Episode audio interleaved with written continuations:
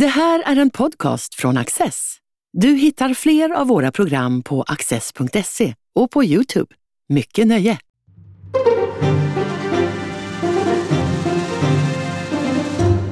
Välkomna till Studio Access. Jag sitter här idag med Anders Broström som är VD i Entreprenörskapsforum sedan ett år ungefär och eh, docent i nationalekonomi vid KTH. Varmt välkommen! Tack så mycket! Vi ska prata om entreprenörskap, företagande och jag, ska vi börja med lite allmän eh, reflektion. Hur är Sverige som företagarland? Ja, men Sverige är ju nu för tiden på säga, ett företagarland. Det har det förstås varit under eh, Sveriges moderna historia. är ju förstås också mycket präglad av ett företagande som varit framgångsrikt och som har lyft Sverige till vad det är om man säger så. Eh, men jag tycker att det är en väldigt påtaglig skillnad. Jag växte upp, tyckte jag, i ett Sverige på 1980-talet eh, där jag tyckte att eh, företagande kanske inte var någonting som, jag, som man såg så mycket av på samma sätt i samhället eller kring i diskussioner om vad folk, vad mina små kompisars föräldrar och så vad jag gjorde eller på med. Men där tycker jag att Sverige har gjort en väldig resa under, under min livstid och blivit ett land där vi på ett helt annat sätt ser företagande som en naturlig väg för allt fler. Inte så att vi vi ser många, många fler företagare idag. Men det har blivit, absolut lyfts, vi har blivit ett land där man pratar om företaget på ett annat mm. sätt. Och jag tror många fler idag ser det som en, en rimlig och möjlig och också intressant alternativ att, att vara företagare, att jobba för en småföretagare om man säger så också. Och inte, en, inte enbart i stora organisationer och verksamheter. Idag kanske vi skjuter in oss lite speciellt på det här allra yngsta företagandet, nyföretagandet. Eh, Entreprenörskapsforum är svensk partner i ett internationellt samarbete som heter GEM, Global Entrepreneurship Monitor, där ni mäter just eh, nystartade företag, eller till och med företag som är på väg att, att startas. Det blev svenskt rekord, om jag förstod det hela rätt, i år. Vad innebär det? Det innebär att fler personer, fler, en större andel av befolkningen som det motsvaras i vår undersökning svarar att de antingen har nyligen startat ett nytt företag eller har tydliga intentioner att göra så i nära framtid. Uh, och den andelen som svarar så, den 9,1 procent i årets undersökning, är högre än vi har mätt upp någon gång tidigare under den period vi har mätt sedan 2010. Mm. Uh, och det är ju förstås intressant att notera att det är så. Vi noterar också att det drivs helt och hållet den här senaste liksom, rekordnoteringen av att företagandet blivit vanligare bland kvinnor. Mm. Men alltså 9% av den vuxna befolkningen driver antingen ett nytt företag eller håller på att starta ett nytt företag. Det är nästan en halv miljon människor. Det låter lite antiintuitivt. anti-intuitivt. Kan det vara så många verkligen? Dels är det förstås bland de här som då säger att jag är alldeles på gång alldeles strax här nu så kanske ganska många är på gång ganska länge. Längre än man tänkt sig förstås. Det finns alltid en viss eh, optimism, vilket är en bra sak i grund och botten bland, eh, bland många företagare. Mm. Eh, sen är det ju också så att företag, alla de företagen som vi förstås mäter som andel av befolkningen, det är ju inte företag som man tänker sig ska växa och börja anställa en massa människor utan det kan också handla om företag som jag ska försörja mig själv på, mm. helt eller delvis. Mm. Då, vad sa du, 9,1 procent av den vuxna befolkningen håller på med detta. Det är då en liten, liten eh, förbättring utav det som är eh, höjdhopp när man höjer med en centimeter i taget, världsrekordet. Eh, det var 9 procent i förra mätningen. Men går man tillbaka till när de här undersökningarna började göras, då var det 4 procent. Så det är en väldig förändring, en fördubbling av den här entreprenöriella aktiviteten. Ser du några tydliga förklaringar till det? Jag tror förklaringarna handlar om människors attityder förstås, ekonomins utveckling. Uh, det är ju så att ny teknik och ekonomisk liksom, omvandling skapar möjligheter för folk att kliva fram och, och driva företag. Det menar jag själv i min egen då livstid. Jag tyckte att det var ett, ett brott verkligen i, i vår egen historia när vi kring millennieskiftet plötsligt då fick en ny teknik som alla måste ha. Alla måste ha en hemsida, alla måste ha en, en IT-lösning för kring sitt börja. Och där fanns det ett utrymme att kliva in och göra och bidra och skapa värden för folk som inte hade jättelång erfarenhet eller lång, kanske inte ens en lång utbildning. Där uppstod ju en företagskultur mm. som jag menar verkligen har påverkat Sverige. Inte bara Sverige förstås. Då. Vi ser faktiskt motsvarande utveckling eh, som vi ser i Sverige i, i, i princip de flesta jämförbara länder. Så att även idag, det här då, som vi ser som rekordnotering, är fortfarande en ganska medelmåttig siffra om man ska se det som en tävling i, i entreprenörskap med jämförbara länder.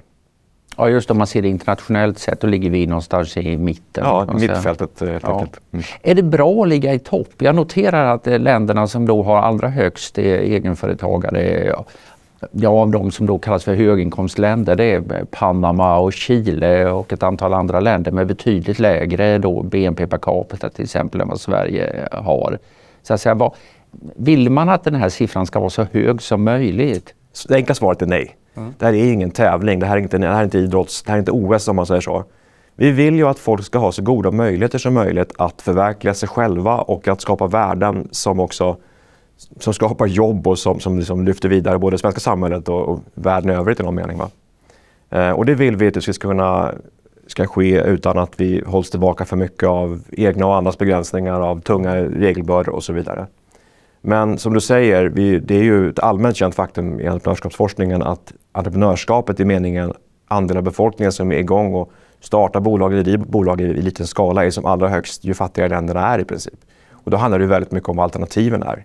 Mm. Det är förstås så att eh, en skäl att inte starta företag är att jag har ett meningsfullt och värdefullt jobb som anställd eller på andra sätt jag liksom får utlopp för, för mina förmågor och utveckling. Så, att, eh, så, så att det enkla svaret är ju att det inte är en tävling vi absolut vill komma ut längst fram i eh, som sådant. Däremot så vi är ju väldigt eh, glada att vara med i det här konsortiet som sagt som är ett internationellt konsortium där vi har möjlighet att jämföra både nyföretagande men också då siffror kring attityder kring företagande och det etablerade företagandets utveckling och så vidare. För att det är ju förstås så att vi utan förståelse för hur vi förhåller oss idag till igår och, och vår historia och till andra länder, både de som ligger nära oss själva och de som vi kanske inte lika naturligt jämförs med som i, i Chile eller Panama, mm. eh, så får vi ändå en ett väldigt god utgångspunkt för, för samtal och för analyser av, eh, av vad som egentligen, vad som egentligen kan sägas vara typiskt för Sverige och svenska företagsklimatet. Det görs en distinktion i den här rapporten då mellan eh, när man frågar folk varför de startar företag och det ena är då eh, nödvändighetsföretag man, som du var inne på. Man behöver göra det helt enkelt för man hittar inget annat sätt att försörja sig på.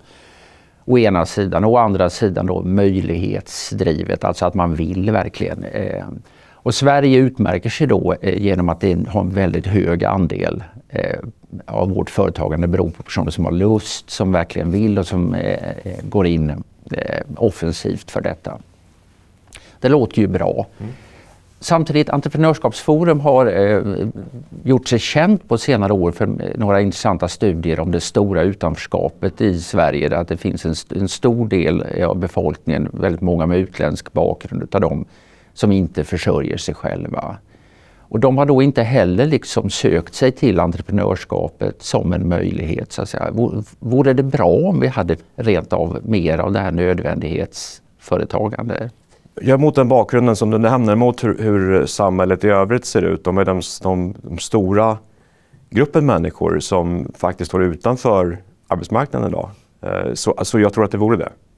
Jag tror att så, vi ser på den här siffran på, verkligen på, i blandad med, bland, med liksom både skräck och förtjusning om man säger så. Det är ju fantastiskt då att de företag vi faktiskt ser är företag som folk har eh, de företag vi faktiskt har, om man säger så, de drivs av det här är någonting jag vill eh, utveckla. Och jag ser, vi har också en väldigt hög andel när vi mäter jämfört med andra länder, folk som ser möjligheter att driva företag. Alltså möjligheter i meningen affärsmöjligheter. Det är också mycket högre i Sverige än i, än i flera länder som vi gärna annars jämför oss med. Så det är ju verkligen goda nyheter. Men Eh, varför är det då så att vi samtidigt har ett, en stor eh, grupp personer som inte är ja, anställda eller och kanske inte ens så nära anställd, arbetsmarknaden. Som, och samtidigt har vi så lågt då företagande som drivs av att ja, jag, har faktiskt, jag behöver faktiskt ett, en, försörjnings, en försörjning. Det, det, har vi verkligen anledning att fundera på. Där väcker de här siffrorna också en del liksom, oro kring, kring eh, hur kanske attityder men kanske också barriärer och, och svårigheter att att eh, ta det klivet att försörja sig själv. Du nämnde att det, det kvinnliga företagandet eh, ökar, alltså nyföretagandet ökar enligt den här studien medan det manliga sjunker en aning. Vad är, har du några idéer kring eh, orsaker till detta? Det enskilda årets mätningar, vi, men vi ser på den längre trenden mm. så ser vi ändå att eh, nog är det så, fler kvinnor än tidigare eh, Eh, ser möjligheter och tar möjligheter. Eh, så orsaken tycker jag nog ändå är att det är klart att vi, vi ser jättemånga exempel på eh, kvinnor som är framgångsrika företagsledare, företagsägare och, och eh, entreprenörer i både stor och liten skala. Och det, det, I egenskap av förebilder, om, om inte annat. Både gentemot eh, jag menar, andra som vill bli företagare men också gentemot kunder och andra som ska köpa de här företagarna så spelar det så stor roll. Samtidigt så noterar vi också i undersökningen väldigt seglivade mönster, eh, seglivade skillnader mellan män och kvinnor. Eh, det är fortfarande så att det är betydligt färre kvinnor än män som är företagare. Eh, och det är trots då att vi i Sverige har haft en utveckling där vi har fått in privata företag i sektorer där vi har betydligt fler kvinnor än män som arbetar. Då tänker jag framförallt på, kanske på vård och omsorgssektorerna mm under det senaste årtiondet eller två. Och, vi ser, men vi ser som sagt väldigt seglivade skillnader i attityder. Det som är slående framför, i undersökningen kanske framför allt, det är de här skillnaderna som finns mellan eh, när vi frågar om eh, den egna med självbilden eller tilltro till egna förmågan. Och det är då andelen som säger att ja, men jag har vad som krävs för att vara en, en bra företagare. Mm. är kon, liksom konsistent över tid eh, högre bland män än bland kvinnor. Eh, och inte bara i Sverige. Det här är någonting som vi ser i, i de flesta jämför, alla jämförbara länder också. Så det är inget svenskt liksom, sjuka, men det är en, ett, eh, en, en faktor som eh, gör att det inte är ännu fler kvinnor som är företagare. Sen tror jag att det kanske också handlar om förstås hur kvinnor och män i viss mån också kan ha olika behandlas olika av potentiella kunder och finansiärer. Alltså det har ju varit eh, åtminstone i debatten, eh, mer turbulens kring det här med företagande i de här välfärdsbranscherna eh, du nämner. Eh, man kan tänka sig att det skulle bidra till en ökad osäkerhet inför att ge sig in i något av dem. Eh, ändå är det det kvinnliga företagandet som ökar. Ja, det är också en intressant liksom, datapunkt där man mäter över tid. Vi har ju sett i våra då, årliga mätningar av företagande kvinnligt och manligt att vi ser tydliga, väldigt tydliga hack i kurvan eh, de här två senaste valåren. Inte då 2002 års val, men 2018 och 2014 ser vi tydliga liksom, dippar i det kvinnliga nyföretagarviljan och nyföretagaraktiviteterna. Och det kopplar vi nog ändå till de här debatterna mm. om, eh, om, om vinster och om privata verksamheters eh, legitimitet och möjlighet. I, och 2022 var den frågan inte lika högt på agendan. Jag skulle säga att 2022 handlade debatten mer om skola än om vård och omsorg. Mm. Och det är förstås det vi Omsorgsföretagen är många fler och vi ser mycket tydligare avtryck i liksom, stocken av, eh, av eh, företagare. En intressant sak eh, tycker jag det är att eh, det finns väldigt mycket kapitalister i Sverige nu för tiden. Alltså personer som investerar egna pengar i eh, företagsverksamhet. Eh, jag tror vi ligger i paritet med USA där när det gäller som andel av eh, befolkningen. Hur kommer det sig? Ja, visst är det fascinerande och visst är det en del av historien då om Sverige som ett företagar och entreprenörsland. Eh, att vi också, vi inte bara ser det som en möjlighet för oss själva och då blir det också naturligt att tänka sig att jag kan jobba för en entreprenör eller vara med och driva fram ett nytt företag som, som kliver in i en ny en startup och så. Va? Men att jag också är beredd att satsa pengar på det. Det är inte bara banken som behöver pengarna, jag kan också liksom lägga pengar i eh, i eh, ett, en ny verksamhet som drivs av någon som jag litar på på något sätt eller har en, en god relation till. Ja, för det pratas om Sverige som paradis för miljardärer och sånt där. Det har varit en, en debatt. Men det här rör ju sig om hundratusentals eh, personer som är aktiva i detta. Och betydligt mindre pengar förstås också. Men ändå ett engagemang som är mycket intressant och, och verkligen sagt en del av modernt eh, Sverige. Är det, en, är det en viktig del? Man kan inte, det finns ju någon formulering det här med det, eh, vad är det, family, friends and fools. Mm. Liksom personer som står de är inte organiserade men de, de står nära personen som är, är aktiv och vill sätta igång med någonting. Man kan tycka att det där är lite informellt och kanske till och med gammeldags och sånt där. Men det kanske är fel. Att det, det där fungerar. Privatpersoner kan fungera bättre än banker och formella Det kan de absolut göra. Ja. Sen är det förstås så att det rör sig om lite olika bolag. En del bolag vill man bygga snabbt och man vill skala upp dem och man vill nå ut på en världsmarknad. Kanske för att den teknik man har och på att mogna fram och man vill liksom vara med och ta en del av en helt ny, eh, en ny marknad, en ny, en ny affär. Och då gäller det att kunna skala upp snabbt och då gäller det också att kunna ha tillgång till riskvilligt kapital av större slag. Mm. Mm. Uh, investerare som kliver in och tar en del av bolaget mot att man liksom bygger någonting som kan bli ett nytt stor verksamhet. Så det behöver vi också. Vi får inte på något sätt uh, uh, tappa, hålla, eller, tappa synen på, på venture capital eller på för också på institutionella mm. aktörer i de sammanhangen. Men för den stora gruppen av företag så är det inte så man Forskningen visar också väldigt tydligt att i, för, de, för de flesta företagen så är det inte så man ska växa om man vill ha en chans att överleva och bli ett, växande företag. Utan det kan vara, det kan vara mer framgångsrikt att, att bygga där man står och, och lite, lite mer ett steg i taget med hjälp av kapital eh, som kommer från, från närmare håll än från en stor investerare som vill göra exit på, på några års sikt. Mm. Kan det här också ha att göra med att andelen personer som är aktiva i nyföretagande har ökat över tid. Alltså en del av dem har väl kanske tjänat en del pengar eh, och, eh, och, och, kan då vara intresserade av att investera. Men även om man inte tjänat så himla mycket pengar så har man skaffat sin erfarenhet av att vara entreprenör, ett intresse för den sortens verksamhet. Så att liksom det, ja, det blir en god cirkel här i någon mening. där. Så är det absolut. Det ser vi också väldigt tydligt i, i forskning om företagande att jag menar, de lyckade entreprenörerna, eh, och det är inte bara och det, men, men, de som gör då stora exits och också gör sig förmögenheter, de är ju viktiga både som förebilder, det blir liksom uppmärksamhet och det blir någonting som, som, eh, som får folk att eh, tänka, ja men det där kanske också är någonting. Va? Men eh, det, det, är också en injektion, både av, av, för många av dem är ju engagerade på olika sätt i, eh, som eh, investerare, som en typ av ängelinvesterare. Och det handlar ju både om pengarna och det handlar väldigt mycket också om engagemanget och kunskapen som då kommer till nästa generation eller nästa generation till, till godo. Mm. Så det är ju en del av ett företagarland att man också har en, en kader av, eh, av, kompetenta och intresserade investerare och mentorer mm. för en, en, ny generation företagare. På olika, och det är verkligen på olika sätt. Men det är ju verkligen intressant den här också större bilden. Den som har gjort som en tjänstemannakarriär och haft lyft lön i, i, liksom i 30 år men som ändå tycker att ja, men jag kan lägga pengarna på att köpa en ny aktiefond eller jag kan stoppa in pengar i min kollegas eh, avknoppningsföretag. Uh, till viss del, inte helt och hållet kanske. Men, men det är också en väldigt intressant mental växer. utveckling ja. som att den växer och att den, den gör någonting med, med Sverige. Sen ska jag säga att den här undersökningen som vi gör uh, och rapporten som vi släppte alldeles nyss baserar sig på data som vi mätte under förra året. Mm. Det finns ju alltid en viss fördröjning. Mm. Ekonomin rör sig ju. Och, ja, jag eh, tänkte vi skulle komma till det strax. Men eh, först skulle jag bara undra.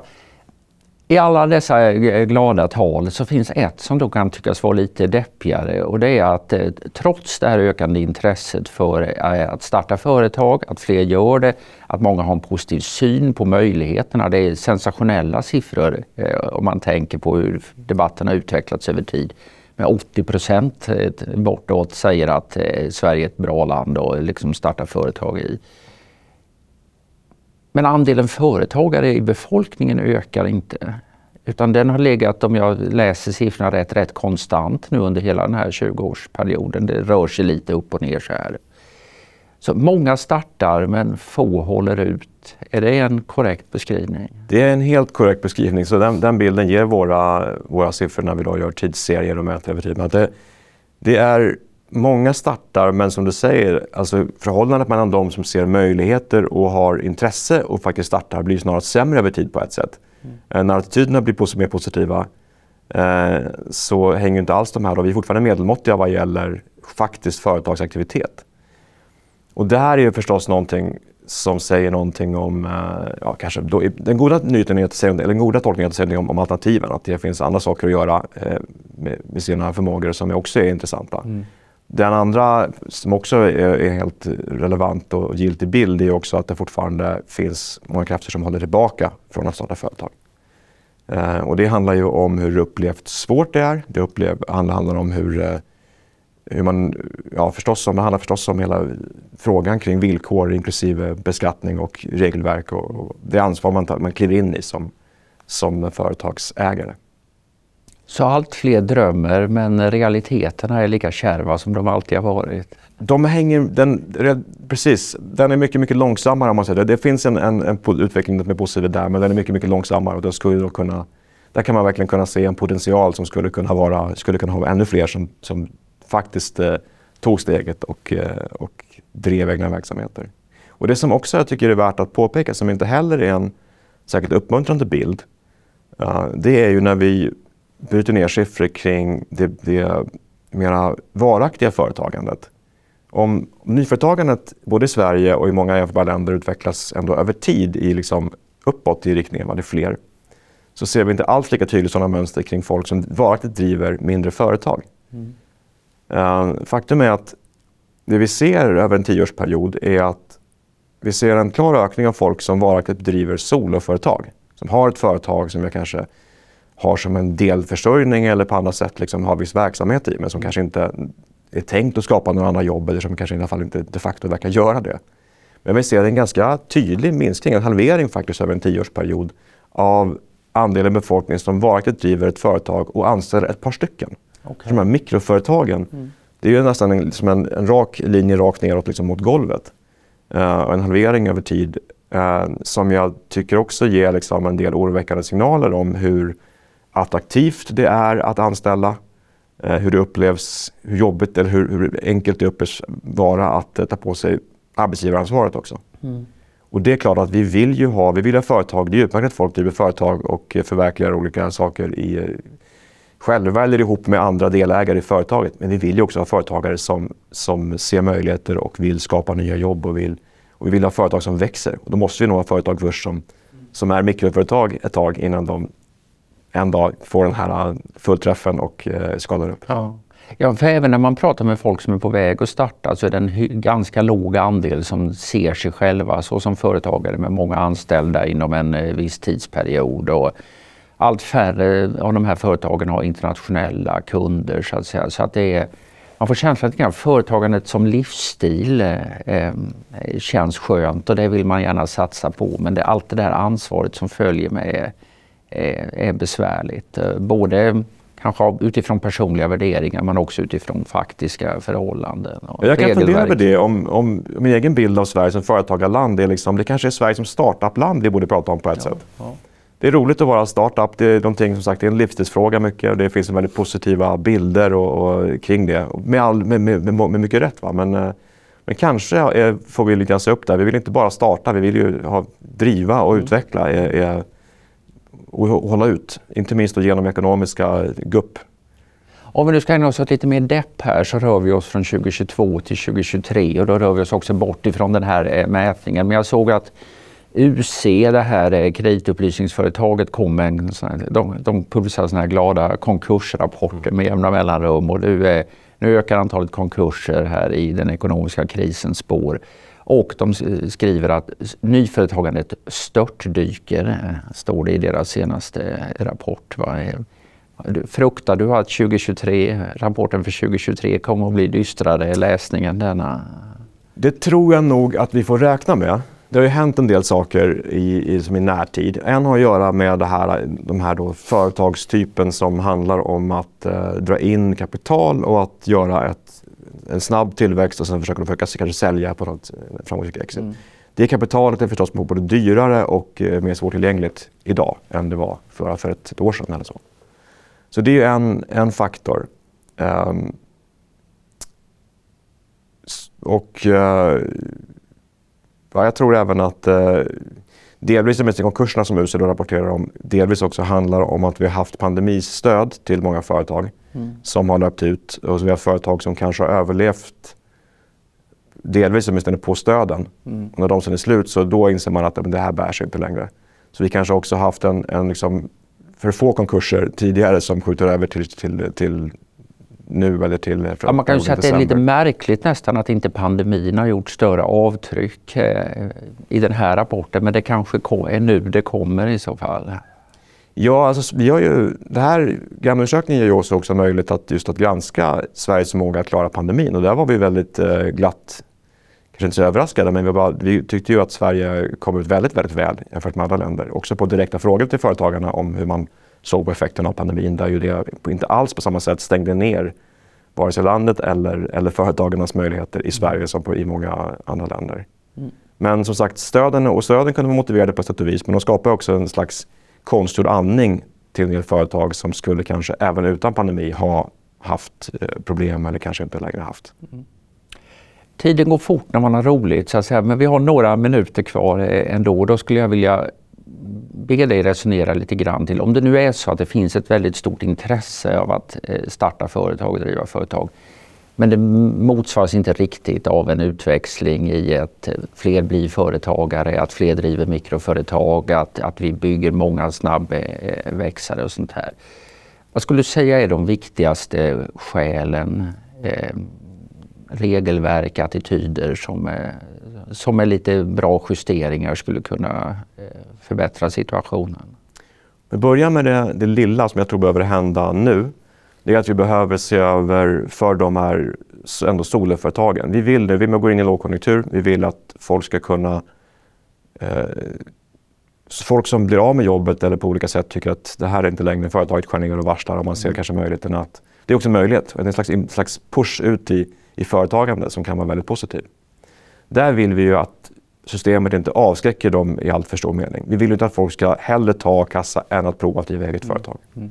Och där menar jag att vi behöver reformera just a-kassan okay. som en sak. För att den hanterar egenföretagarinkomster på ett sådant sätt som gör att om jag går från anställning till företagande och sen inser att det här inte längre håller.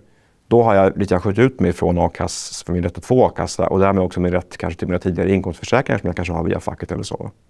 För man beräknar inkomsterna på ett sätt som gör att jag varken har varit anställd i närtid okay. och mitt företagandes inkomst det har kanske inte hunnit komma eller det ligger här borta och då är inte det, då är inte det ännu liksom tillgodoräknat. Så att där skapar vi liksom onödiga eh, risker där vi liksom nästan gör det mer rationellt att, att istället ta ett, en a-kassa än att eh, pröva lyckan med mitt, min idé som jag har liggande i mitt företag. Mm, mm. Och det tror jag vi behöver, skulle kunna så snabbt egentligen med lagstiftning mm, ändra på. Mm.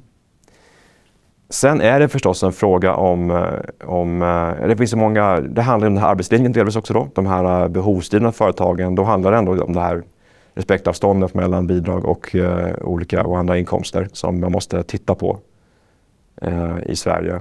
Och sen handlar det förstås också om vi då ska ha företag som, och incitament för att driva och eh, starta företag men också anställa så handlar det också förstås om regelverk och kostnader för det och ansvar men också om skattefrågorna kring detta. Det handlar om, om eh, förstås om det möjliga utfallet om det nu går bra. Hur, hur ser inkomstskatterna ut och inte minst, tycker jag åtminstone, hur ser skatterna på arbete ut? om vi pratar om företag som också ska anställa. All right, en bra och koncis eh, avslutning. Anders Broström, tack så hemskt mycket för att du har varit gäst hos oss.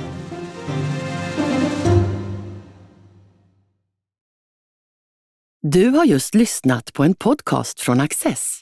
Du vet väl att vi också är en tv-kanal och tidning? Teckna en prenumeration idag på access.se.